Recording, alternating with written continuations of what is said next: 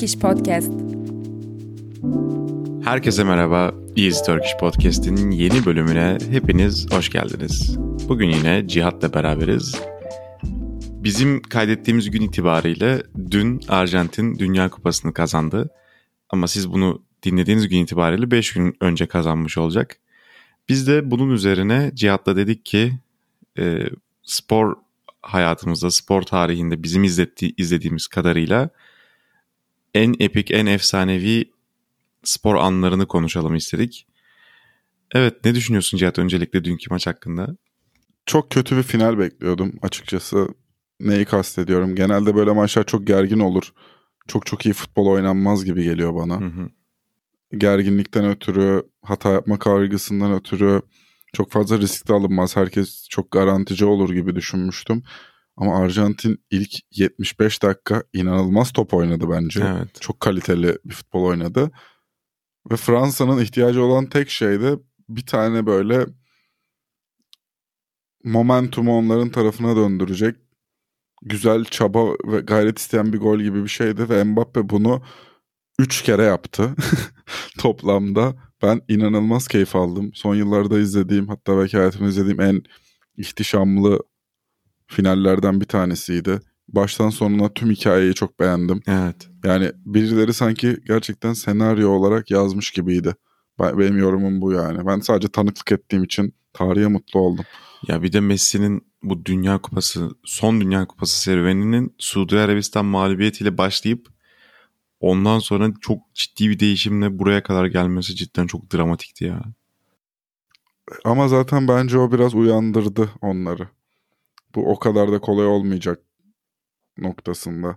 Biraz da o şeye gerginliği aldı mı diyeyim. Ee, Böyle bir düşüncem de denebilir. var. Ya ben bununla ilgili şöyle de düşünüyorum. 2014 yılında Almanya'ya yenildiklerinde de e, sanki Messi çok daha hırslandı. Yani o sene mesela kazanmış olsaydı Dünya Kupası'nı belki biraz daha düşük bir Messi performansı izleyebilirdik. Yani yine olağanüstü bir Messi izlerdik ama bu kadar hırslanmazdı belki. Bu kadar uzun süre boyunca.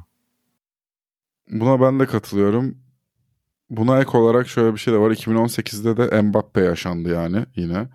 Ki ben çok da büyük bir fanatiği değilim. Hala çok genç ve olabileceğin en iyisi noktasında olduğunu düşünmüyorum Mbappe'nin. Ama dün itibariyle ben ikna edildim kendisi tarafından. Çok büyük topçu, çok büyük futbolcu, çok daha büyük futbolcu olacak. 2018'de de ben her aradan çok hızlı bir şekilde koşarak sıyrılışını hatırlıyorum Arjantin maçında. O birazcık 2018'de Messi ve Arjantin'in 2014'teki mağlubiyetin ardından geri dönememesi ve son çarelerinin bu Dünya Kupası olması üstüne üstlük kışın yapılan bir Dünya Kupası. Her şeyin çok akla yatmayan şekilde ilerlediği bir Dünya Kupası. Ya çok ilginç hikayeler vardı. Gerçekten çok fazla süper yıldızın son Dünya Kupası oldu belki. Evet. Bir daha göremeyeceğiz onları. Ve onlar arasından tarihin en iyisi denen kişinin, tarihin en iyi sporcu dediğimiz kişinin çıkıp her maça damgasını vurup Dünya Kupası'nı kazanması ve bunu çok görkemli bir şekilde yapmaları. Ben en çok bu noktadayım. Yani bu maç 2-0 bitseydi 80'e kadar sürdüğü gibi gerçekten çok kolay bir mağlubiyet olacaktı ve böyle bir duygu patlaması belki yaşamayacaktı izleyenler. Evet. Ama o geri dönüş 23 yaşında bir çocuğun ya gerçekten tek başına oynadı yani Fransa'da. Ben mi Benim yanlış benim de aklımda ama kalan bir Fransız oyuncu performansı yok.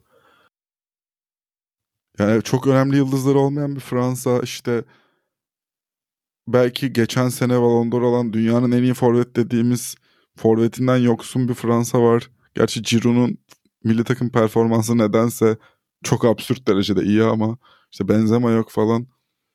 Tek başına kafa tuttu yani. Ve şu sebeple ben çok mutluyum. Bu Mbappe için de çok güzel olacak bence bu hikaye.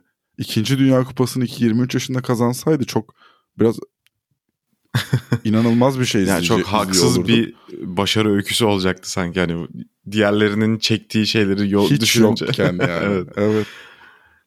Ya bir de inanılmaz bir oyuncu ya. O hızlanması falan gerçekten izlemesi çok keyifli. Ya evet hani bir futbol sever belki işte oyunun fizik kalitesinin çok ön planda olmasından ötürü çok sevmiyor. Ya Mbappe'nin oyununu ya sevmiyor haksızlık olur şöyle söyleyeyim. Ne kadar iyi olduğunu idrak edemiyoruz bence. Evet. Ne kadar iyi bir futbolcu olduğunu. Çünkü kıyaslayınca herkesten daha hızlı koşan bir adam gibi duruyor sadece. Tek olayı bu gibi. Çok süratli bir atlet gibi. Fakat o da değil. Tekniği genelde evet çok doğru da yerde. teknik bir oyuncu gerçekten.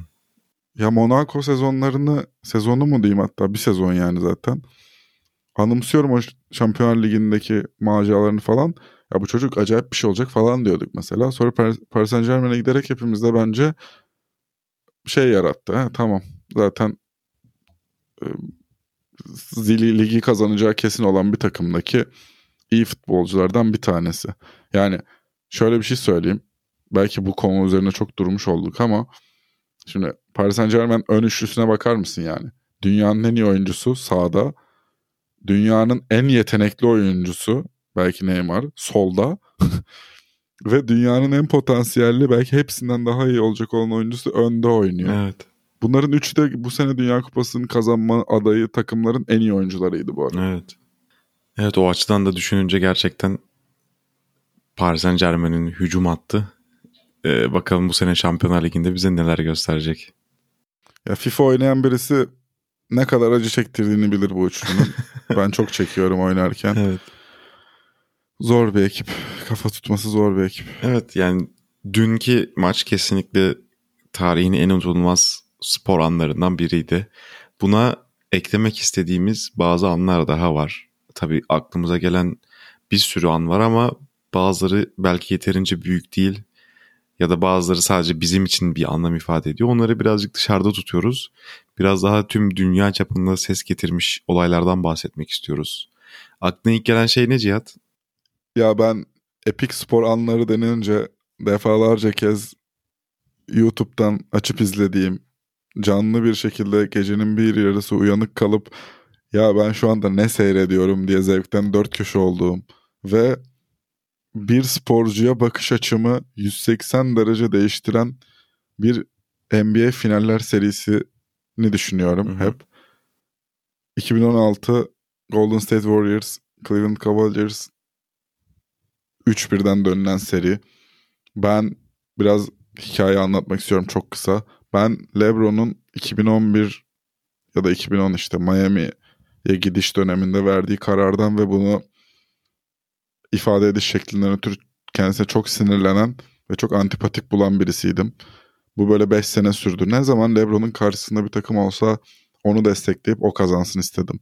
San Antonio'nun başarısı mesela beni çok mutlu etmişti. 2013'teki 2014'teki. Fakat o final serisinde LeBron James ve Kyrie Irving'in yaptıkları direkt bana tamam bu adam gerçekten çok iyi bir basketbolcu dedirtti yani. Evet. Böyle bir karakter örneği NBA'de çok gözükmüyor. Çok yetenekli oyuncular genelde kişiliklerinden ötürü silinip gidiyorlar. Ben buna çok üzülüyorum yani. Ama LeBron bana aksini gösterdiği için çok mutluyum. Eminim senin için de bu olay çok böyle ihtişamlı ve görkemli bir spor anı olarak kalmıştır. Ya o sene 2016 yılı NBA için herhalde en unutulmaz seneydi. Birincisi o sene smaç yarışması Şubat ayında tarihin en iyi smaç yarışmalarından biri yaşanmıştı. Ee, yine Stephen Curry'nin e, bütün oyları toplayarak MVP seçildiği inanılmaz ötesi bir sezon yaşanmıştı. Üçlük rekorlarını kırdığı ve şüphesiz MVP seçildiği ki tarihte ilk bu. Evet tarihte ilk yani bütün oyları aldı yani. Hiç kimse demedi ki şu adam hak etti. Yani herkes Stephen Curry'e verdi oyunu. Ve takımı 73 galibiyet 9 aynen. mağlubiyetle tamamladı o Ki o da seneyi. Michael Jordan'ın rekorunu kırmış oldu. Michael Jordan takımının daha doğrusu. 72'ye 10'du. 73'e 9 yaptılar. Yani bir sene boyunca 82 maç yapıp sadece 9'unu kaybeden bir takım NBA finalinde LeBron James'in Cleveland'ına karşı 3-1 öndeyken gerçekten Ki bu iş 3-1'den daha önce dönen hiçbir hiçbir- seride dönülmemiş. yok e, finallerde dönülmemiş. Finallerde tabii evet. Aynen. Ya inanılmaz bir başarı gerçekten. Ya bir beşinci maç var orada. Kyrie ve LeBron 41'er sayı atıyorlar. Ve Kyrie %75 saha içi isabetiyle falan atıyor bu 41 sayıyı. Ya böyle toprağa vura vura taşın suyunu sıka sıka atılmış sayılar bunlar. Evet, dayak yiye yiye. Ve üstüne üstlük o son maçın son 3 dakikasını hatırlar mısın bilmiyorum. Sayı olmuyor. Dünyanın en kısır Hiç maçı. inanılmaz bir gerginlik. Dünyanın en iyi skorerleri sayı yapamıyor. Lebron'un bir tüm saha depar atıp sprint atıp sonunda Iguodala'ya koyduğu bir blok var. Belki gelmiş geçmiş en önemli defansif an yani yaşanan. Hemen ardından da Kyrie'nin Stephen Curry'nin üzerinden attığı saçma sapan hani çok büyük cesaret isteyen bir üçlük var. Yani çok net bir araya giriş yapacağım. Amerikalılar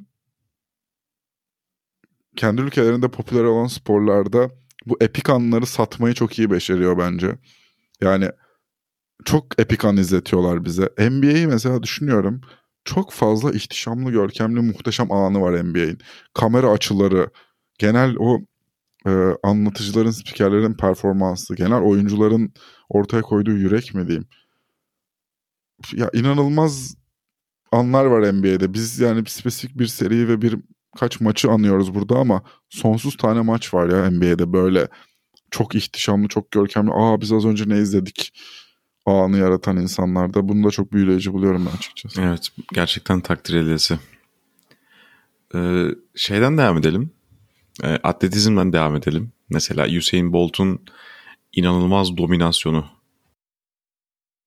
Ya yarışları seçemezsin değil mi? Olimpiyat olimpiyat böyle burada bunu yaptı, burada şunu yaptı Evet. diye. Ya ben şahsen öyle bir bilgim yok. Bir alakam da yok.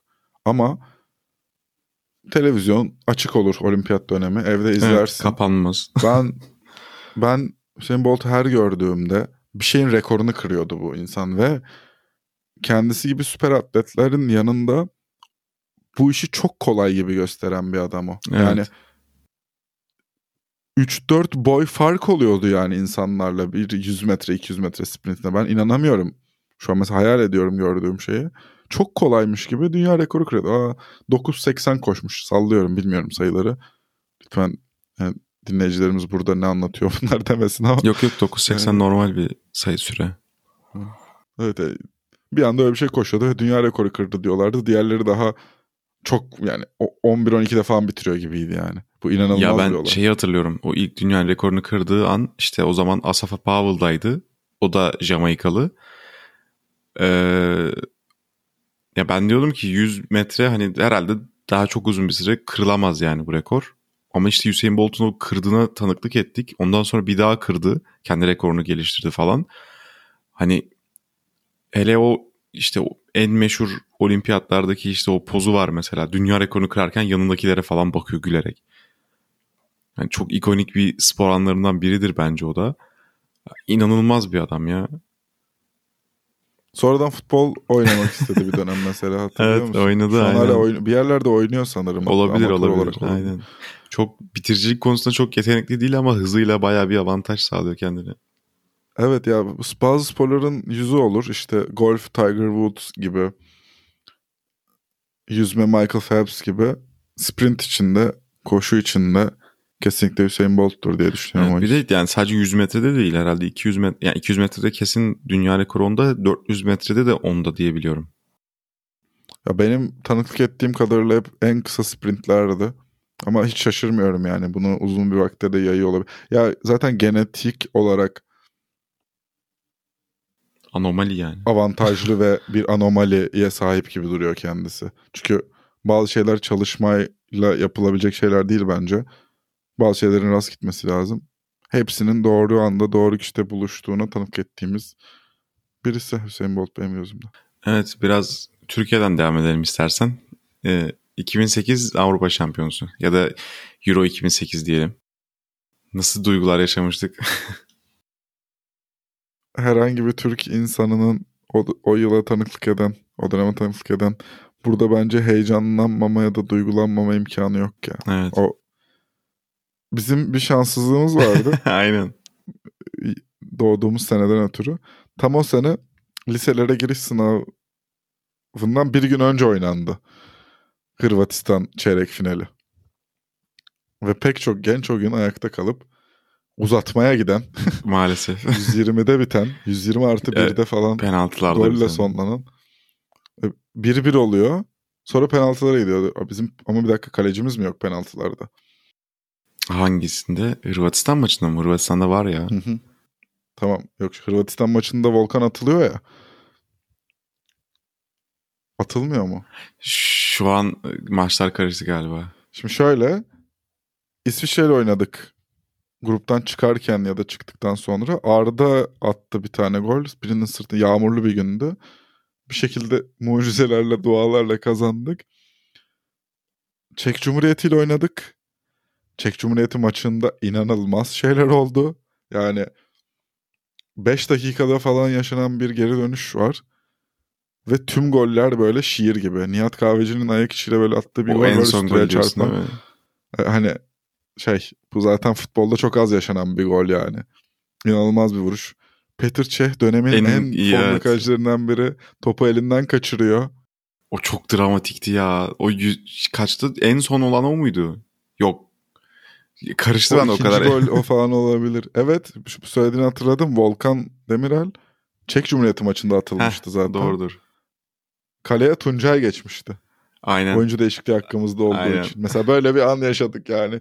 Sol açık oyuncumuz bir anda kaleye geçti yani. Evet. Ve o sene e, şöyle bir motto dolaşıyordu hep. Türkler geri gerilir, biz geri geliriz. Biz bitti demeden bitmez. Hani gerçekten o bir, bir turnuvada 3 tane geriden gelip maçı yenmek ya da berabere kalmak gerçekten çok zor bir şey. Bu arada söylediğine ek bir şey söyleyeyim. Almanya maçında biz öne geçtik ilk defa. Evet o o maçı da kaybettik. Ve kafa kafaya bir maç kaybettik biz. Yani 3-2 falan bitti yanlış anımsamıyorsam. Ee, Uğur Boral gol atmıştı mesela. Aynen, Bu sol bekimiz. Filip Lam inanılmaz top oynamıştı. Onu hatırlıyorum. Çok garip ya. 2008'de Avrupa Şampiyonası'nda mesela başarı elde etmiş takımımız 2020'ye kadar bir daha gidemedi. Çok ilginç bir durum. Bunu geçen bölümlerde konuşmuştuk tekrar. Şu aklıma geldi ama Türk insanı çok duygusaldır, dürtüseldir. Bunu kötü anlamda söylemiyorum. Bence güzel pek çok yanında var. Hepimizin o dramatik geri dönüş hepimizi çok mutlu etmişti. Yani millet hüngür hüngür ağlamıştır ya. O. Aynen öyle. Semih Şentürk'ün 119'da falan attığı garip bir gol var mesela Hırvatistan'a. Ya, gol atmak için çok dramatik bir dakika ya. Dünkü maçta da mesela 118'de Evet. e, Mbappe'nin attığı penaltı golü.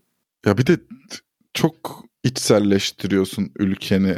Ha evet ya Dünya Kupası'na çok farklı bir hava oluyor gerçekten. Evet e, hiç umursamıyor ol yani dünya vatandaşıyım ben de. Yine de ülkeni başarılı görmek, başarılı olmasını istemek o rekabet çok tatlı.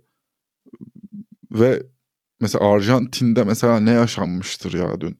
Yani fotoğrafları, videoları gördüm ama ben Türkiye'de böyle bir şey yaşandığını hayal edemiyorum. Aynen öyle. Her- Herhalde bir, bir hafta falan kendimize gelemezdik. Büyük ihtimalle. Büyük ihtimalle.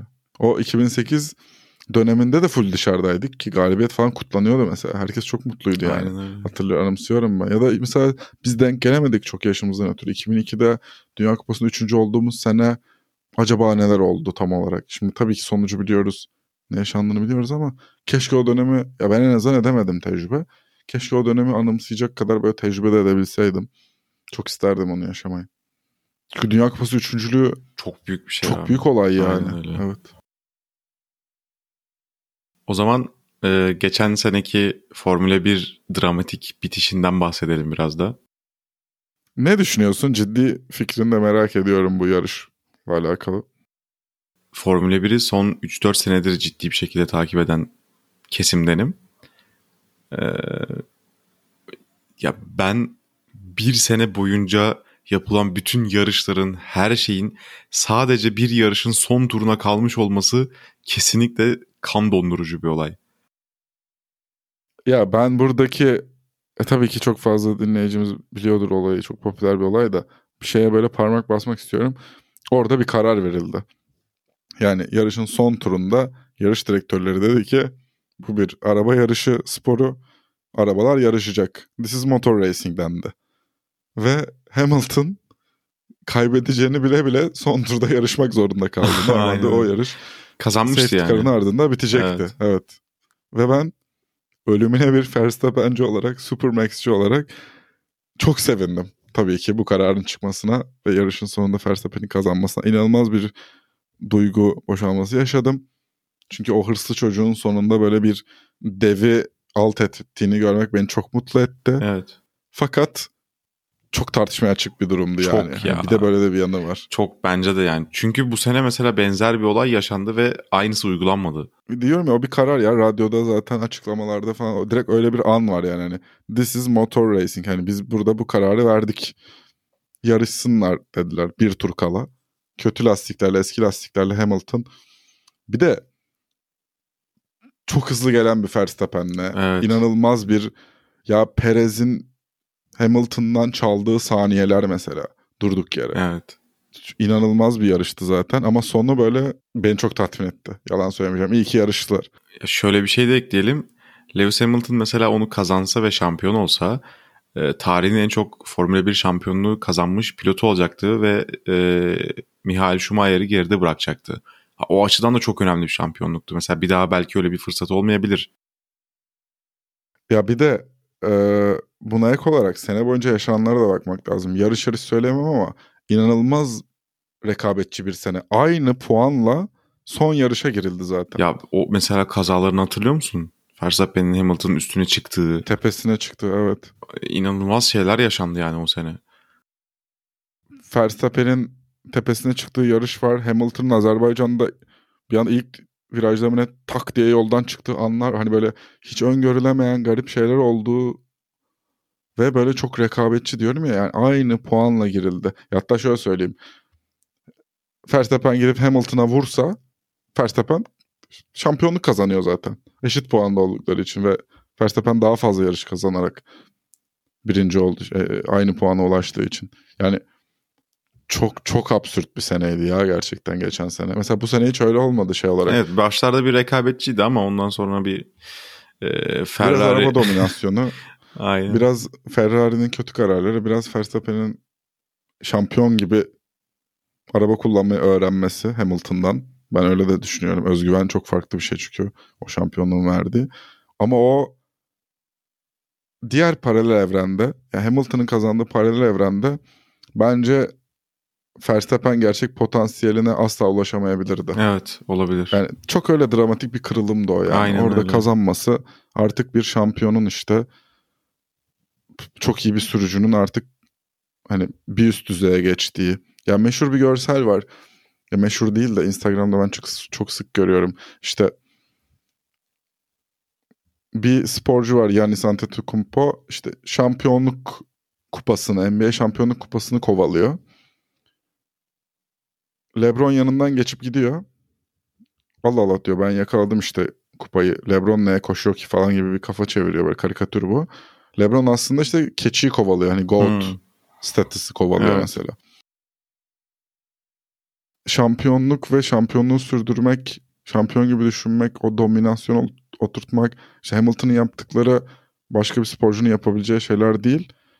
O şampiyon özgüvenine de bence Max'ın sahip olması gerekiyordu. Bu sene biraz daha pekiştirdi bunu.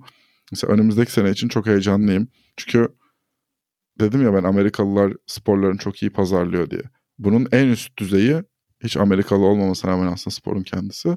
F1 herhalde. Kamera açıları, genel tavırlar, çekilen belgeseller. Evet. İşte özellikle o belgesellerin egosu. belgesellerin çekilmesiyle yani popülerliği herhalde çok rahat iki katına çıktı diyebiliriz. Evet evet hiç izlemeyen insanlar da izler oldu yani F1'i. Ya ben de mesela göz ucuyla takip ederdim. Hem bu sene bu kazanmış, bu sene bu birinci olmuş. Ama asla açıp izlemezdim mesela. O belgesellerden sonra ha böyle bir şeyler de dönüyormuş diye işin içine girmeye karar verdim yani.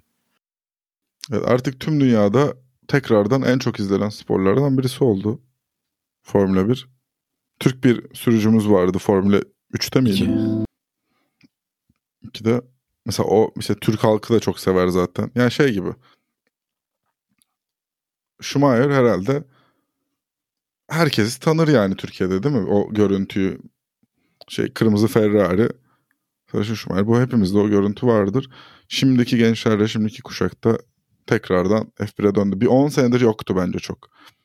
Hamilton dominasyon döneminden bahsediyorum özellikle. İlgi alaka biraz azalmıştı açıkçası. Ve geçen seneki final de bunu pekiştirdi yani. İnsanların o sevgisi ve tutkusunu, merak duygusunu çok iyi dürttüğünü düşünüyorum. Kesinlikle. Ee, son olarak e, şeyden bahsedip kapatalım bence. Michael Phelps'ten bahsedip ondan bahsetmezsek olmaz diye düşünüyorum. E, 2008 Olimp Çin Olimpiyatlarında 8 altın madalyanın alabileceği 8 altın madalyanın 8'inde aldı ve 7'sini dünya rekoru kırarak aldı. Ya bir anomali daha mesela. Yani ya bu çok anormal bir şey olarak ama veya ya. genetik olarak falan söylemiyorum. Bu kadar dominasyon işte ya Hüseyin Bolt gibi tıpkı. Hani kendi sporunu bu kadar domine etmek ya ben açıkçası yüzme sporuna dair işte oradaki tekniklere ve sporcunun atletin bakış açısına dair çok bir fikrim yok. Ama ben benim için benim gibi ortalama spor izleyicisi, spor tüketicisi için Michael Phelps eşittir yüzmek, rekor kırmak ve kazanmaktır mesela. Hatta en son galiba olimpiyatlarda ya da ne sıklıkla yarışıyorlar bilmiyorum ama bir hayranına kaybetti galiba. Filipinli bir çocuk muydu böyle çok hayran olan birine işte kelebek tipi yüzmede galiba kaybetmiş mesela. Yani GOAT dedik ya az önce hani o en iyisi olmak bir şeyde tarihin en iyisi olmak diye Michael Phelps orada o noktada zaten şimdi hakkında bazı davalar ve böyle şeyler var. Müstedir medyada çok iyi anılmıyor. Fakat bu onun çok iyi bir sporcu olduğunu ve dönemindeki herkesten çok çok çok daha başarılı olduğu gerçeğini değiştirmeyecek. Özleyeceğiz. Yani hiç izlemediğim halde Michael Phelps ismini görmeyi özleyeceğim. Duymayı özleyeceğim. Evet. evet. Evet yani Phelps gibi bir performans çok zor gelir diye düşünüyorum. Yani 8 altın madalya belki gelir de 7'sinin de dünya rekoru olması çok zor. Evet çıtayı başka bir yere koymuş birisi yani. Katılıyorum. Ben buna bir spor daha ekleyeyim. Çok fazla çok iyi sporcunun olduğu bir spor ekleyeyim. Onu konuşmak ayıp gibi geldi. Majestelerinin sporu tenis. Roger Federer dönemi, Roger Federer dominasyonu. Hemen ardından Nadal gibi aşırı fizik kaliteyle tenis oynayan ve Federer'in o hükmünü özellikle toprak kortta sona erdiren siyahla beyaz gibi de ayrı ya tarzları böyle evet, dışarıdan da gözüküyor öyle. yani. Biri çok klas, cool ve böyle işte majesteleri ya Messi ile yani. Ronaldo gibi değil mi gerçekten? birisi. evet tam olarak öyle ve bunların ardından Djokovic gibi ikisinin de iyi özelliklerini birleştirmiş. Benim acayip antipatimi kazanmış. Bir sporcu çıkıp hepsine kafa tuttu. Yani tenis gerçekten iyi izlemeyi ve anlamayı çok istediğim bir spor. Ama yapamadım. Ama tenis maçı gördüğümde durur izlerim. Üç tane tarihte böyle ikonikleşmiş sporcu çıkarmış bir dönemdi. Son 15 sene diyeyim. Hepsinin ayrı ayrı hikayeleri, ayrı ayrı başardıkları vardı. Ben şahsen sempatim her zaman Roger Federer'den yanadır. Çok beyefendi, çok klas buluyorum. Benim gözümde gerçekten sporcu yani. iyi sporcu. Bu arada hepsi çok ciddi centilmen. Ee, yani bir tenisin zaten bir spor olarak e, çok daha elit bir spor olmasını bu sporcuların karakterlerinde de görebiliyoruz sebebini. Ee, ya üçü de birbirini çok üst seviyeye çıkardı. Hatta 2010'lu yılların başında Andy Murray de dörtlüye dahil gibiydi. Ama ondan sonra sürekliliği gelmedi sakatlıklardan dolayı vesaire. Ama gerçekten Djokovic, Federer ve Nadal ya inanılmaz bir e, nasıl desem 10-15 sene izlettiler bize. Zaten son e, Federer Nadal finali mi olmuştu geçenlerde Cihat? Aha, evet evet yani, o hüngür hüngür aynen. ağladıkları. yani maç sonunda Federer'de Nadal da mesela hüngür hüngür ağladı yani. Böyle bir şey olamaz ya yani birbirlerine inanılmaz derecede saygı duyuyorlar. Hepsi inanılmaz derecede büyük sporcu. Mesela ikisinin de kariyeri bitti dendikten sonra ikisi de muhteşem geri dönüşler yaptılar kariyerlerinde. Evet yani gerçekten çok fazla fizik kalite isteyen bir spor olan teniste bunu yapmaya devam ediyor biliyor olmaları çok çok büyük bir başarı, çok takdir edilecek bir şey. Ya sporcu psikolojisi, atlet psikolojisi gerçekten çocuk yaştan hepimize öğretilmesi gereken, okutulması gereken bir şey bence. Ya insanüstü şeyler başarıyorlar gerçekten ve bunu gerçekten yetenek ve çalışmayla yapıyorlar. Çok gıpta ettiğim, çok hayranlıkla baktığım, çok takdir ettiğim insanlar bunlar.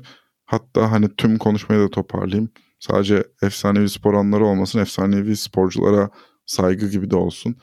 Şimdi LeBron James yaşlandı. Belki oynamaya devam edecek ama eski LeBron James'i göremiyoruz. Gittikçe eksiye doğru gidiyor. Cristiano Ronaldo, Messi, işte Federer, Nadal, Djokovic, işte Michael Phelps, Hüseyin Bolt bu çok önemli şahsiyetlerin prime dönemlerine, en üst dönemlerine tanıklık ettik son 20 yıl içinde. Şimdi yenileri geliyor ama düşününce çok duygulanıyorum çünkü mesela 2006, 2007, 2008 hangi senelerde olduğundan emin olmadığım için Ronaldinho'su var ya biz, evet. bizim yaşımızda gençler Hı-hı. için. Ben hala öyle bir şey izlemedim hayatımda. yani saçmalık seviyesinde yetenekli bir adamdı. Evet. Keşke çok daha uzun süre izleyebilseydik. E kesinlikle ya da işte Tracy McGrady mesela hmm. işte NBA'deki o skorer anlamda yaptığı etkiyi düşünüyorum. Ya da Allen Iverson'ın bir dönemini falan. Bu say ismini saydığımız sporcular ya da yakın zamanda ölen Kobe Bryant yani.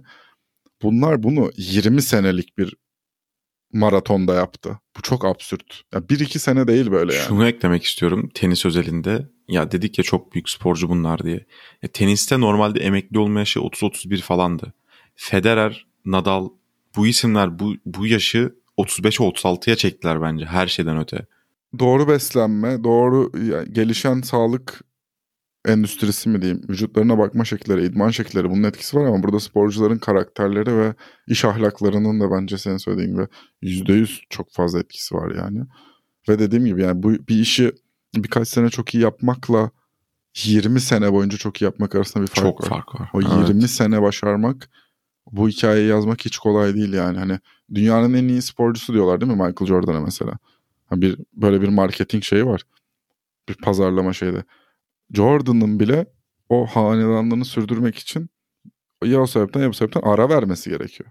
Yani bir süre basketbol oynamıyor. Ya da ikinci üçlü şampiyonluğu tamamladıktan sonra basketbolu bırakıp yıllar sonra geri döndüğünde o eski performansını gösteremiyor mesela.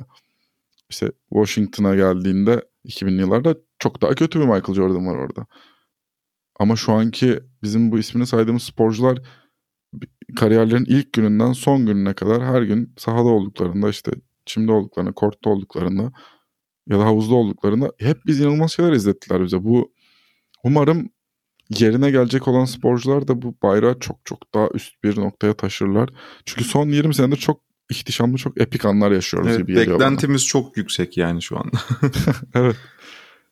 Evet umarım daha iyilerini izleriz ve daha iyilerini konuşuruz podcast'imizde. Umarım. Bizi dinlediğiniz için çok teşekkür ederiz. Bir sonraki bölümde görüşmek üzere. Görüşmek üzere.